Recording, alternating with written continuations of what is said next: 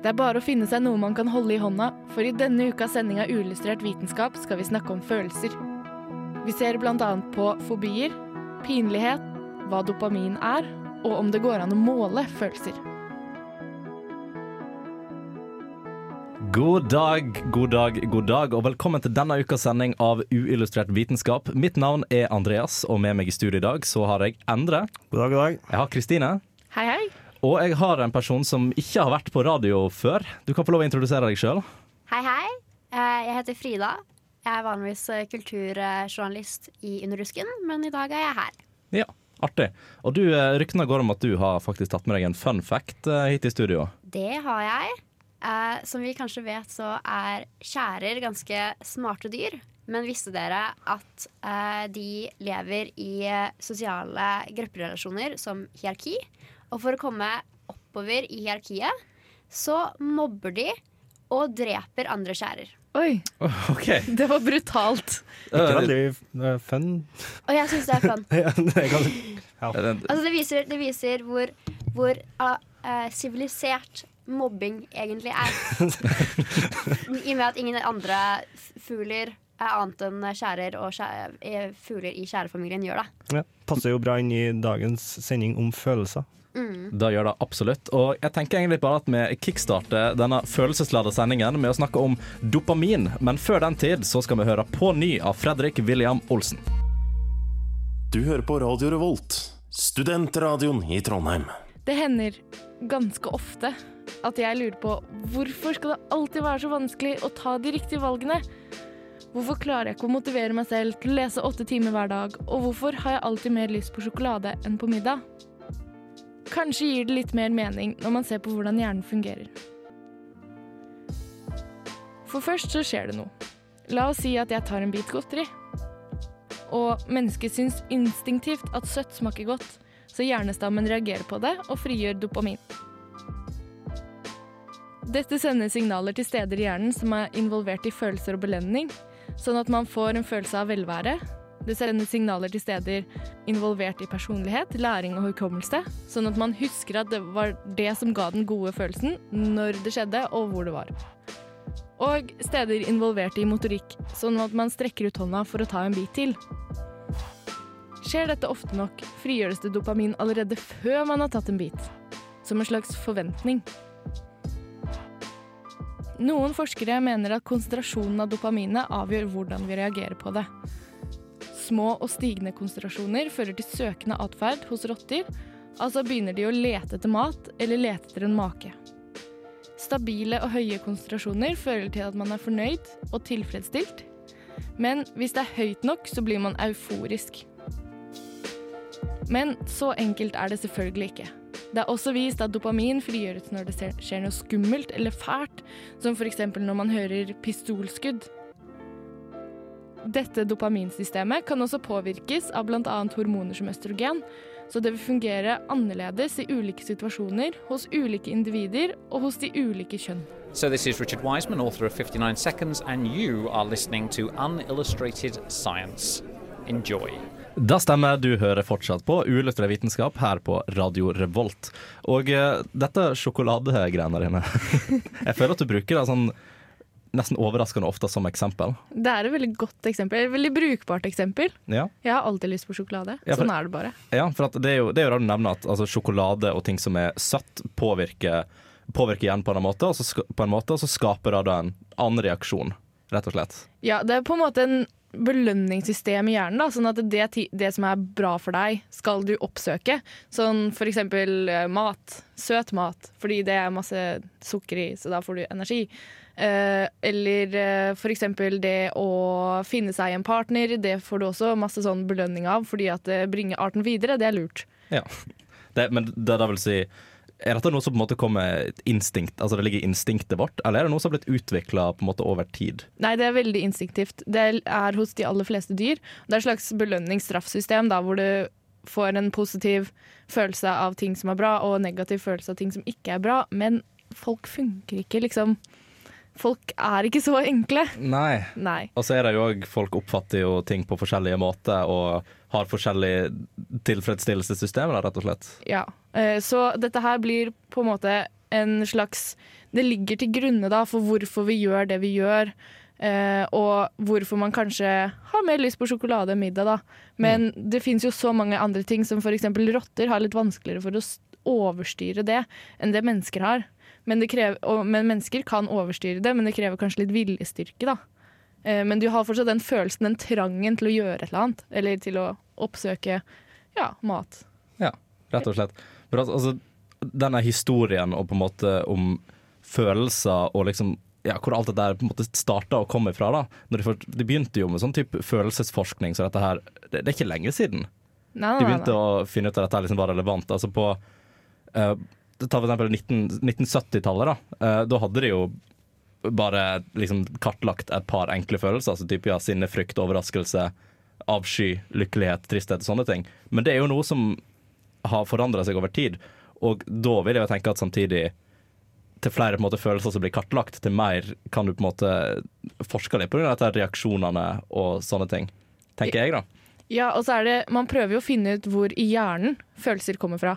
Mm. Eh, og det Ja, vi har jo, jeg har jo lært litt om hjernen på studiet og sånn, og greia er at man man skjønner liksom ikke helt hva som er greia. Du har steder i hjernen som er aktive ved alle følelser, og så har du steder i hjernen som er aktive ved liksom frykt, sånne veldig eh, instinktive følelser, da. Mm. Ja, typ frykt, eh, glede. Ja, for at, altså, det er jo de, altså, de, Jeg vil tenke at de aller fleste Altså de her basisfølelsene våre er instinktivt. Altså, jeg leste eksempel på en studie Eller ikke en studie, det var mer sånn et eksempel. Hvis noen slo deg veldig mange ganger på nesa, da ble man altså, Du ble først automatisk irritert. For at det er irriterende, det er sånn småvondt, og det er plagsomt. Eh, og når man da blir sint, da har du jo forskjellige fysiske måter kroppen reagerer på dette. eksempel at man kan for eksempel litt, får litt sånn små tårer i øynene, man blir litt varm, man blir litt sånn rastløs og sånne ting. da. Og det er jo, for det er jo, det er jo det som er mest vanlig, at en følelse har en fysisk reaksjon som kommer av alt. Eksempel hvis man er trist, så begynner man å gråte, og sånne ting. Ja, og det Apropos det. Apropos det. Ja, så eh, har jeg lest da at det finnes, eh, det finnes type hjerneskader hvor du kan eh, Hvor du ikke klarer å styre hva slags følelser du, vis, ah, hva slags følelser du viser da, okay. til omverdenen. Eh, og det syns jeg er litt spennende, da, fordi at eh, de har liksom Hvis de er veldig trist, så begynner de å gråte. De klarer ikke å undertrykke det, på en måte, sånn som man vanligvis klarer. da. Og de klarer ikke å holde pokerface. Det er liksom fysisk umulig, fordi at de har absolutt ingen kontroll over sine egne ansiktsuttrykk. Shit. Det blir, kan det måte regnes som en slags uh, altså på en måte et slags Tourettes syndrom for type ansiktsuttrykk? da? At du bare ikke Er det sånn at man lager tilfeldige ansiktsuttrykk på forskjellige tidspunkt? Eller åssen fungerer det i Det er på en måte den delen av hjernen som styrer eh, de viljestyrte delene av eh, ansiktsuttrykkene, de er, den, den er borte. Mens det finnes da en annen del som styrer, eh, ans altså, som styrer bevegelse i ansiktet, som ikke er viljestyrt. Den er automatisk. OK. Men det vil det ha noen fysiske reaksjoner? F.eks. at når de blir sinte, det er ikke sånn at de automatisk slår? Nei, de får bare et sint ansiktsuttrykk. Okay. Mm. Litt sånn rynker i panna og Ja, sint ansiktsuttrykk. det, har bare, det er bare ansiktet, da, ikke resten Ja. av kroppen. Heldigvis. Ja, det er jo egentlig veldig altså, Ellers hadde det kunnet blitt litt mer Litt mer aggressiv sykdom. Men er, er det noe kur og sånt for dette? her, Eller? Nei, jeg tror ikke det. Nei. OK. Men altså, når det kommer liksom Jeg, jeg var inne og las på dette her med liksom sånn generelle følelser og sånne ting. Og de har jo kartlagt disse i forskjellige kategorier òg. Eh, for eksempel, du har de, ja, du har de basisfølelsene som jeg nevnte i stad, som type sinne, frykt.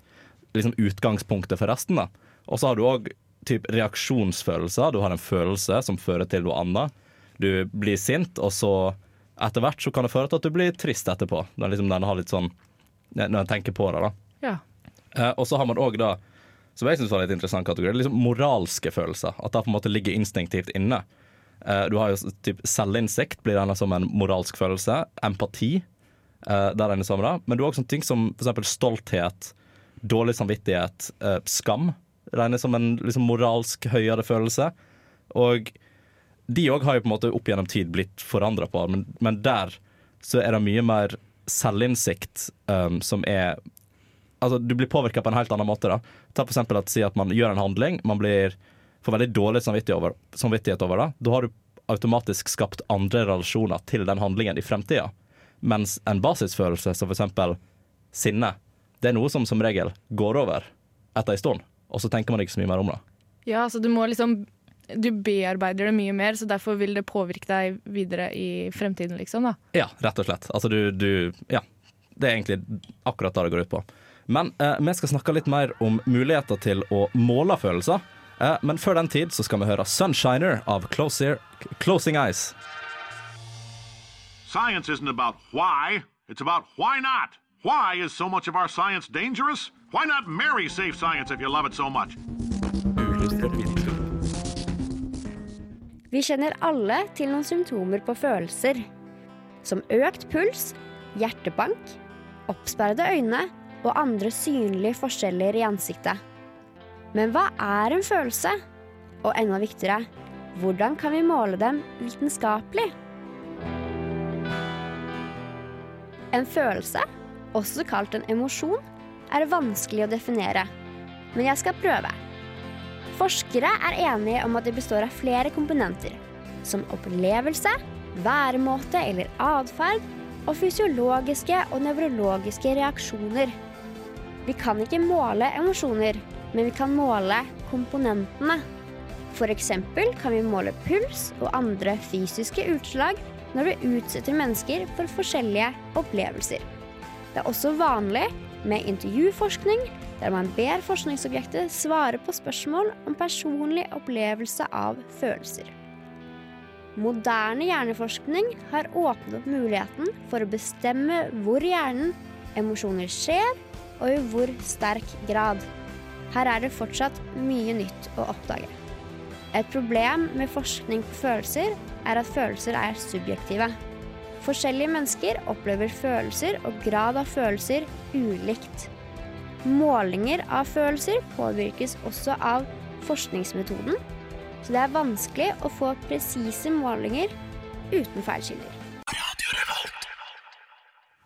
Og det er jo litt da du nevner på at altså, følelser er faktisk veldig vanskelig å forske på. Det er jo da du sa på slutten der at det er veldig subjektivt. Altså du, alle oppfatter følelser, alle får sine opplevelser, og alle får sin, sin egen tolkning på ting, da. Og da påvirker de på forskjellige måter.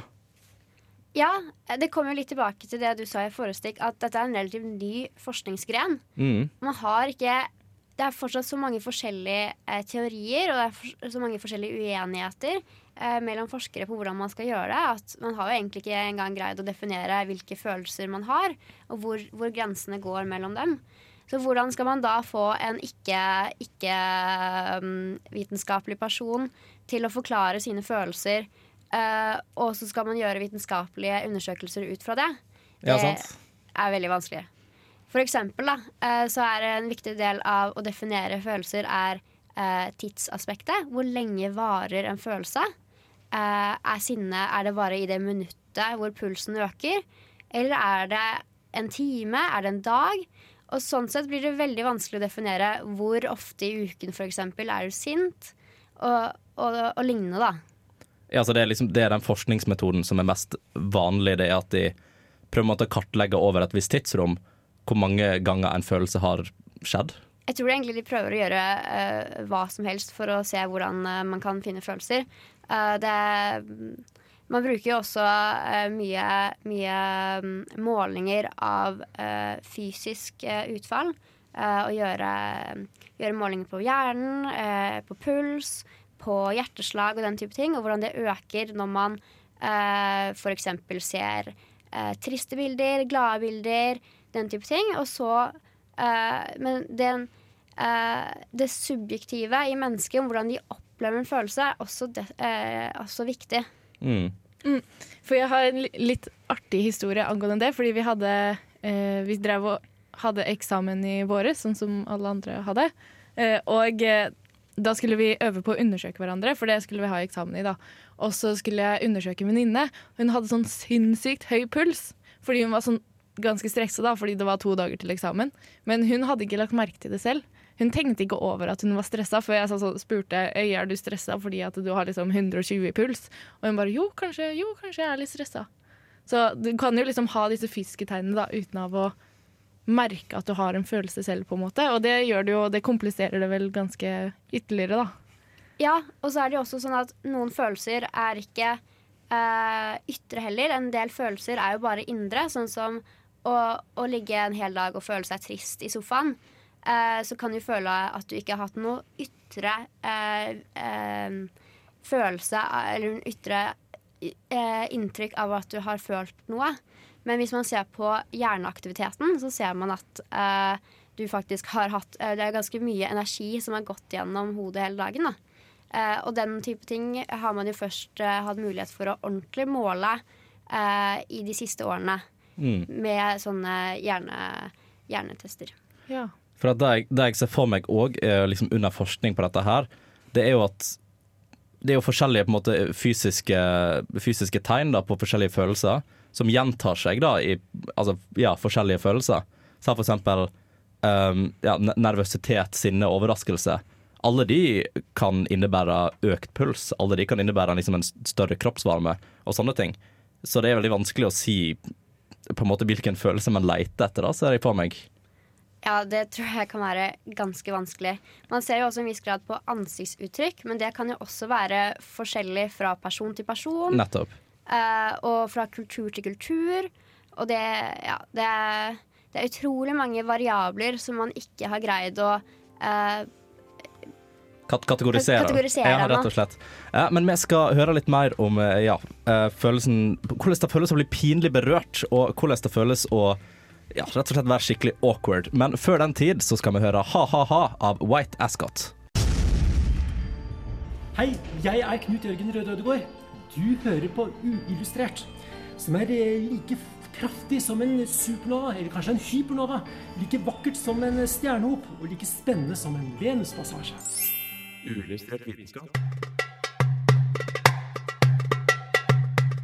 Vi har alle vært i en klassisk pinlig situasjon.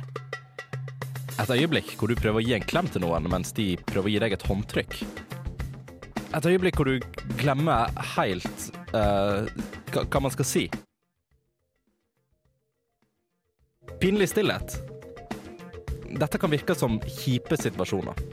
Men det er faktisk ikke så ille som vi tror. La oss først få det viktigste ut av veien.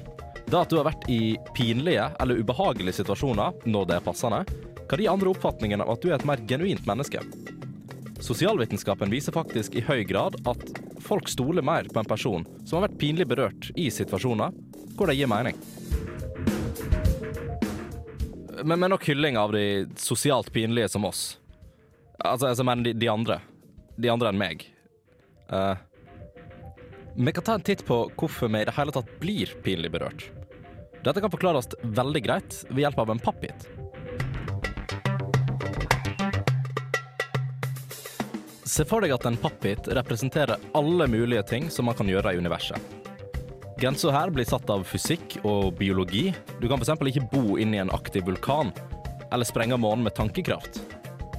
Ta så og klipp bort en stor bit. Dette representerer loven. Du kan ikke myrde, stjele eller begå lovbrudd uten at samfunnet straffer deg. Klipp så bort en hjørnedel. Dette er sosiale normer. Det er ikke ulovlig å hoste noen i ansiktet, men å bli virkelig satt ned på. For aller siste del, ta litt sandpapir på et annet hjørne. Dette er den delen av de sosiale normene som ikke blir satt ned på, men som blir sett på som rart, pinlig eller awkward. Det er altså bare en knøttliten del av universet vårt som er knytta til akkurat det her. Men likevel så er vi så utrolig opptatt av de sosiale normene rundt oss. Så husk at selv om du sto helt inne i busskuret når du piller deg i nesa, så kan det godt være at noen så deg. Det var meg. Jeg så deg. Hey, this is Phil Plate from Bad Astronomy, and you are listening to Unillustrated Science on Radio Revolt because science is awesome. Da stemmer. Vitenskap er helt fantastisk her på Uillustrert vitenskap på radio Revolt. Og dette må være pinlig berørt. Det er jo altså, for å si det sånn, De som sier at de ikke har vært pinlig berørt her i studio, de lyver. Alle har vært i en eller annen situasjon som er superklein, og du har bare lyst til å synke ned i jorda, og alt suger. Er er enig med at det stemmer? Ja. Ja. ja, det stemmer ganske bra. Ja. Akkurat nå. Akkurat nå, ja. ja ok, fint. Um, så selve liksom, tekstbokdefinisjonen på det å være pinlig, da, eh, det regnes som en emosjonell tilstand. Det er ikke en følelse nødvendigvis, men det er en tilstand som blir påvirka av veldig mange faktorer. Da. Eh, noen vil òg Jeg tror der det kommer litt fra, eh, er faktisk det med at folk symboliserte det å være pinlig berørt med liksom tap av ære. Oh. Og litt sånn tilbake i sånn gamle dager. da At hvis du, du har vært i en pinlig situasjon, du har drept deg ut, du, du skulle slå en fyr med sverdet ditt på hest, men så falt du av hesten, det er pinlig. Du mista ære, rett og slett. Og da ble, du liksom, da ble du på en måte litt mindre verdt som menneske da, i gamle dager, for der var jo ære ganske viktig. Ja, nettopp det. Nå har jeg jo heldigvis kanskje forhåpentligvis ikke så mye å si den dag i dag. Uh, men altså, I hvert fall ikke i vår kultur. i hvert fall ikke i vår kultur. Uh, uh, men det som er ja, Selve essensen òg kan regnes som sosiale forventninger, og det er noe som har forandra seg opp gjennom tidene. Før så forventa altså, samfunnet at du skulle oppføre deg på én spesifikk måte, og nå forventer de at du skal oppføre deg annerledes. Um, og det handler jo òg om hva situasjon en havner i. Noen folk er rett og slett mer prone til å havne i en rar situasjon enn det andre har. Noen, det virker nesten som noen folk oppsøker pinlige situasjoner. Um, og det er på en måte òg mange grader av en slags sosial forståelse. da At du blir kanskje pinlig berørt i én situasjon rundt et spesifikt antall mennesker, men hadde du vært rundt noen andre mennesker, så hadde de kanskje sett på det som litt mer akseptabelt. sant? Det er litt mer der. Så det handler jo veldig med rett og slett hva, hva folk en henger med, hva situasjonen en går i. Sånne ting. Det har vel litt med tilliten til de personene man er rundt. Da. Ja. Eh, Jeg merker i hvert fall sjøl at med nye personer så er det enklere å bli pinlig berørt enn det med de vennene som har hatt over lengre tid. da. Ja, for jeg føler at akkurat når du møter nye mennesker, så er i hvert fall det med de sosiale normene kommet opp. da. Når du er med folk du kjenner, så kan du på en måte tone ned disse normene. Sant? Du, kan, du kan faktisk nyse uten å holde deg foran, foran kjeften altså sånne ting. Mens når du møter nye folk, da har du på en måte så helt nye regler. Du er nødt til å følge og følge absolutt alle reglene. Som førsteinntrykk, liksom, hvis man nyser der uten å holde seg for, så blir man den typen som nyser uten å holde seg for. Ja, man blir det. Eh, og det, det er litt sånn tips, eh, tips and trick hvis en skulle liksom gjøre noe sånt. da. Dette har vi vært inne på litt tidligere med protagonistsyndrom, som jeg syns er utrolig gøy å snakke om. Eh, det er jo nettopp det at eh, folk tror at de er in the center of the universe. De tror at de er i midten av alt. Men det viser seg at folk bryr seg ikke. Folk tenker ikke over hva du gjorde for to uker siden på en fest.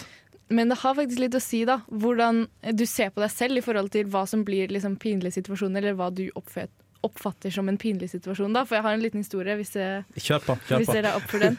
Jo, fordi vi, har jo, eh, vi er i praksis da, på studiet, eh, og så skal vi eh, late som om vi er leger, og så snakke med pasientene da. Bare sånn, ja, hva kan vi hjelpe deg med i dag? Og vi kan jo obviously ingenting, og det vet vi jo veldig godt selv. Men vi skal jo snakke med dem da, og vi skal øve på å snakke. Og så var det i fjor, da vi var helt ferske, så hadde vi en dame som vi skulle snakke med som var litt oppi åra. Og så skal vi jo høre alt sammen. Ikke bare en vanlig legetime, vi skal høre hvem den, disse menneskene er, om de har barn, familie, alt det der. Og så sa hun, så sa hun det. Jo, ja, jeg har jo tre barn, ja, og de er omtrent på alder med dere sikkert, da. Og vi bare ha, ja, mm. Da følte vi oss eh, ganske lite proffe, og det ble sånn et, et lite minutt med sånn klein stillhet hvor vi bare ja, mm. Ja, men det er jo i, I sånne situasjoner òg, når du blir satt på spot, er jo på en måte de som er de verste, vil jeg anta. da Eller som er de aller verste situasjonene en kan havne i. Si at du, alle har vel liksom hatt den der eh, drømmen når de var liten, sånn typisk tegnefilmdrøm, at de står naken på en scene foran alle sammen. Ja, og det er jo verre for deg enn det det er for alle andre. For alle andre bryr seg egentlig ikke, men for deg så er det liksom veldig Mm. Men du Kristine, du som går legestudiet, du må jo bli skikkelig vant med pinlige stunder gjennom det du skal jobbe med framover i tid. Ja, men du, du, du eh, lærer deg å ikke ha filter. Du bare skrur av det filteret for liksom pinlige ting. Det er bare sånn, Ingenting er pinlig. Alt bare Ja, du, du ser ikke skogen for bare trær. Nei. Vil, vil ikke det skape pinlige situasjoner når du er med ikke-medisinstudenter? Kanskje. det har skjedd. Ja.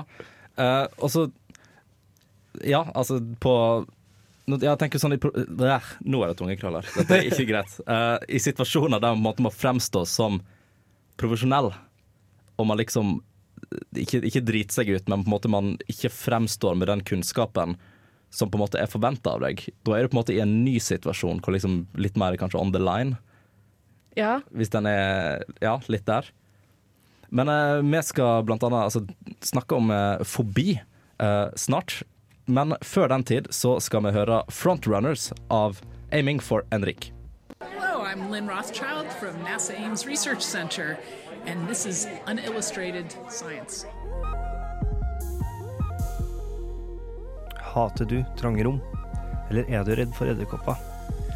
Da lider du av fobi. Fobi defineres som en irrasjonell frykt for et objekt eller en situasjon. I møte med den frykten vil en person oppleve store mengder stress, som i enkelte tilfeller kan føre til panikkanfall eller at personen besvimer. Men hvorfor skjer det her?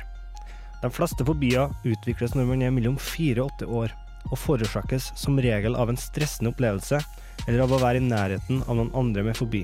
Det er nemlig mer vanlig for barn av foreldre med fobier å få samme fobi som sine foreldre. Altså, har du klaustrofobi, er sannsynligheten høy for at en av dine foreldre òg har det. Det er ikke snakk om genetikk, men i stedet er det her forårsaka av det miljøet man vokser opp i, som baserer seg på å unngå det man er redd for.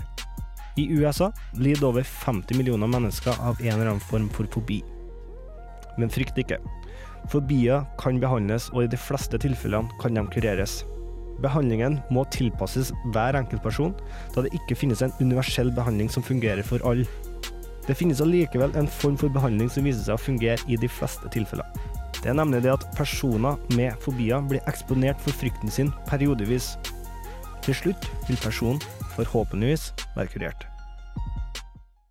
Ja, og nettopp da man liksom eksponerer folk til, eh, til frykten sin. Det er jo sånn utrolig mange reality-program som skal pushe den der gjennom. Og Fair factor. Fair Factor, for eksempel. Det, det, for jeg tror ikke for meg For meg så hadde jeg ikke Jeg har en irrasjonell fobi, og det er for veps. Og Oi. jeg har det samme. Ja. Og jeg, ble, altså jeg, vet, jeg vet hvor det kommer fra. Jeg ble stokket, jeg stokka av en veps som barn, og jeg syntes det var helt forferdelig. Men nå er det sånn, jeg, blir- jeg friker helt ut hvis jeg ser veps, men jeg føler at hvis jeg blir eksponert for mer veps, så kommer ikke det til å hjelpe meg. Uh, nei, men det har jo litt med det om uh, man har muligheten til å rømme fra frykten sin, på en måte. Ja, litt en fight or flight. Uh, Ja, det er nettopp det. det. Det hele baserer jo seg på frykt, og fobier er jo bare irrasjonell frykt. Mm. Og mm, da, frykt er jo bare en fight or flight-respons. Enten så skal du være der og kjempe, eller så må du bare rømme. Og teorien bak det da, sier jo det at um, hvis du ikke har muligheten til å rømme, så må du kjempe mot frykten din, og da så liksom skal du klare å overvinne frykten. Ja, så du, du, blir, du må rett og slett sette deg i en situasjon der du bare ha ett valg. Ja, også, men så er det liksom sånn det, Folk blir jo helt hysteriske av det. det er forståelig nok, da. Jeg, Ja. jeg sjøl er jo fobi for slanger, og det er jo okay. helt forferdelig. Jeg har en liten historie om Jeg var i, var i Los Angeles i, i uh, april. Mm. Så var jeg på Santa Monica Pier, og så gikk jeg gående, og da kom det to karer, en på hver side av meg, gående med to slanger Å gud. på hver sin hånd, og ja, jeg frika ut og bare sprang. Det var, Shit. ja, det var ikke gøy.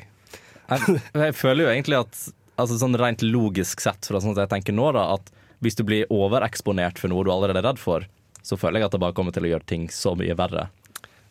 Det, det kan godt hende, men uh, if- ifølge forskninga så vises det at det faktisk fungerer. Med regelmessig eksponering over liksom Der at eksponeringa varer lengre og lengre. Da. Mm. Men det er vel subjektivt dag, som de fleste av følelser som jeg har vært Som jeg sa i saken, så er det en mulig løsning. Det er ingen universell eh, løsning. Og liksom leger sier det at det bør være en eh, spesialisert behandling som baserer seg på person. Mm. Personalisert. Liksom. Rett og slett. Og så er det jo øh, Det har jo litt med at du skal ta det litt rolig å gjøre. da Altså Det går liksom i sånn steg. Altså Først så skal du liksom si du, Hvis du er redd for slanger, da først så skal man snakke om slanger. Det er liksom Du Mm. begynner der, da og så ser du på bilder av slanger. Det er ikke sånn 'her har du en slange, vær så god, nå skal du bli frisk'. Sitt, sitte inne på liksom hos eh, psykologen og bare Her! Begynner å kaste slanger på deg. For da skaper du på en måte en ny traumatisk opplevelse, Mm. men du skal på en måte ta det litt rolig inn. da Men er ikke sånn fobier Er det ikke noen av de man har litt sånn øh, Hva heter det? Eh, Medfødt, litt sånn instinktivt. Så for eksempel ja, type edderkopper, slanger, høyder, Det- mørke. Det, det er jo en basert på det at det faktisk er farlige dyr. Ja. Men eh, når det er irrasjonell frykt, er det jo det at du er redd for det dyrene når de ikke er i nærheten nå. Liksom, Ja. du, ser du et bilde av en slange, så blir du satt ut. Det er en irrasjonell frykt således, for at det er ikke en slange her. Ja. Det, det er et bilde. Men jeg har tatt med, jeg har tatt med et par uh, fobier her som jeg vil at vi skal tippe på. Ok. For det um, Kanskje dere vet det her. Eh, de er på engelsk, da, så det er ikke det samme på norsk, så det er ikke sikkert det er så enkelt. Men uh, kaulrofobia Kaulrofobia. Ja. Er det um, Det er veldig relevant i disse halloween-tider. Og det er er frykt for klovner? Ja, det er det. Og så har jeg et som her, jeg, jeg tror det er verdenspremiere på å si det på radioen. Hippopotomonstrososekuepedialofobia. Er det tilfeldigvis frykten for flodhester? Nei, det, Er, er det den som er flykten for lange ord? det stemmer. Nei. Det, Ah, det er så dårlig gjort å ha et langt ord på det. Um, og så kan vi jo sikkert noen som Kanskje det er noen som har det her. Um, skolionofobia. Den kjenner jeg ikke til. Er dere redd for skorpioner? Nei, det er frykten for skole. Oh. Yes. Ja. Det, jeg følte den passa godt i disse føreksamenstider.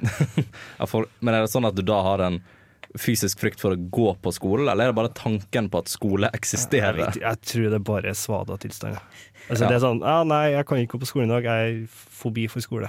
Det er sånn For det er verdens verste unnskyldning Fikk kjørt leksene dine. Ja. Egentlig. Men vi begynner å nærme oss litt slutten på denne ukas sending, men ikke helt ennå, for først så skal vi høre 'Bird' av Marianne Engebretsen. Jeg er Aksel Tidemann. Jeg jobber som forsker på kunstig intelligens ved Telenor Research, og du hører på uillustrert vitenskap. Da stemmer. Du hører fortsatt på Uillustrert vitenskap her på Radio Revolt, selv om vi er på vei til å måtte avslutte denne veldig følelseslada sendingen som vi har hatt i dag. Jeg synes det har vært ganske greit. Vi har fått oppsummert uh, i hvert fall rundt veldig mange populære følelser som folk uh, opplever. Fått åpna oss veldig mye. Ja, jeg føler at vi, vi har virkelig Slipper dere, der hjemme inn i, inn i hjertet til Uillustrert. Ja. Men jeg tenker vi avslutter med en annen, eh, sporadisk fun, uh, fun fact uh, som du har til oss, Kristine. Ja, den kan vekke litt følelser hos enkelte, kanskje. Ja. Eh, Det er at fett og muskler eh, hos begge kjønn har ganske god evne til å gjøre om testosteron til østrogen. Så for eksempel, eh, hos kvinner da, så har ikke det så, så veldig mye å si. Men hos menn som er enten veldig feite Mm. eller har veldig mye muskler, så kan de få feminine trekk og bli eh, mindre fertile på grunn av det. da. Okay. Ja, Det Ja, går det er over hvis man går ned i vekt. Ja, Fin ting å avslutte med. Men eh, du, finner, du finner sendingene våre på radiorevolt.no og på diverse podkasttjenester. Mitt navn i dag har vært Andreas, og med meg i studio i dag så har jeg hatt Kristine. Ha det bra. Jeg har hatt med Frida. Ha det! Jeg har hatt med vår eminente tekniker Endre. Ha det.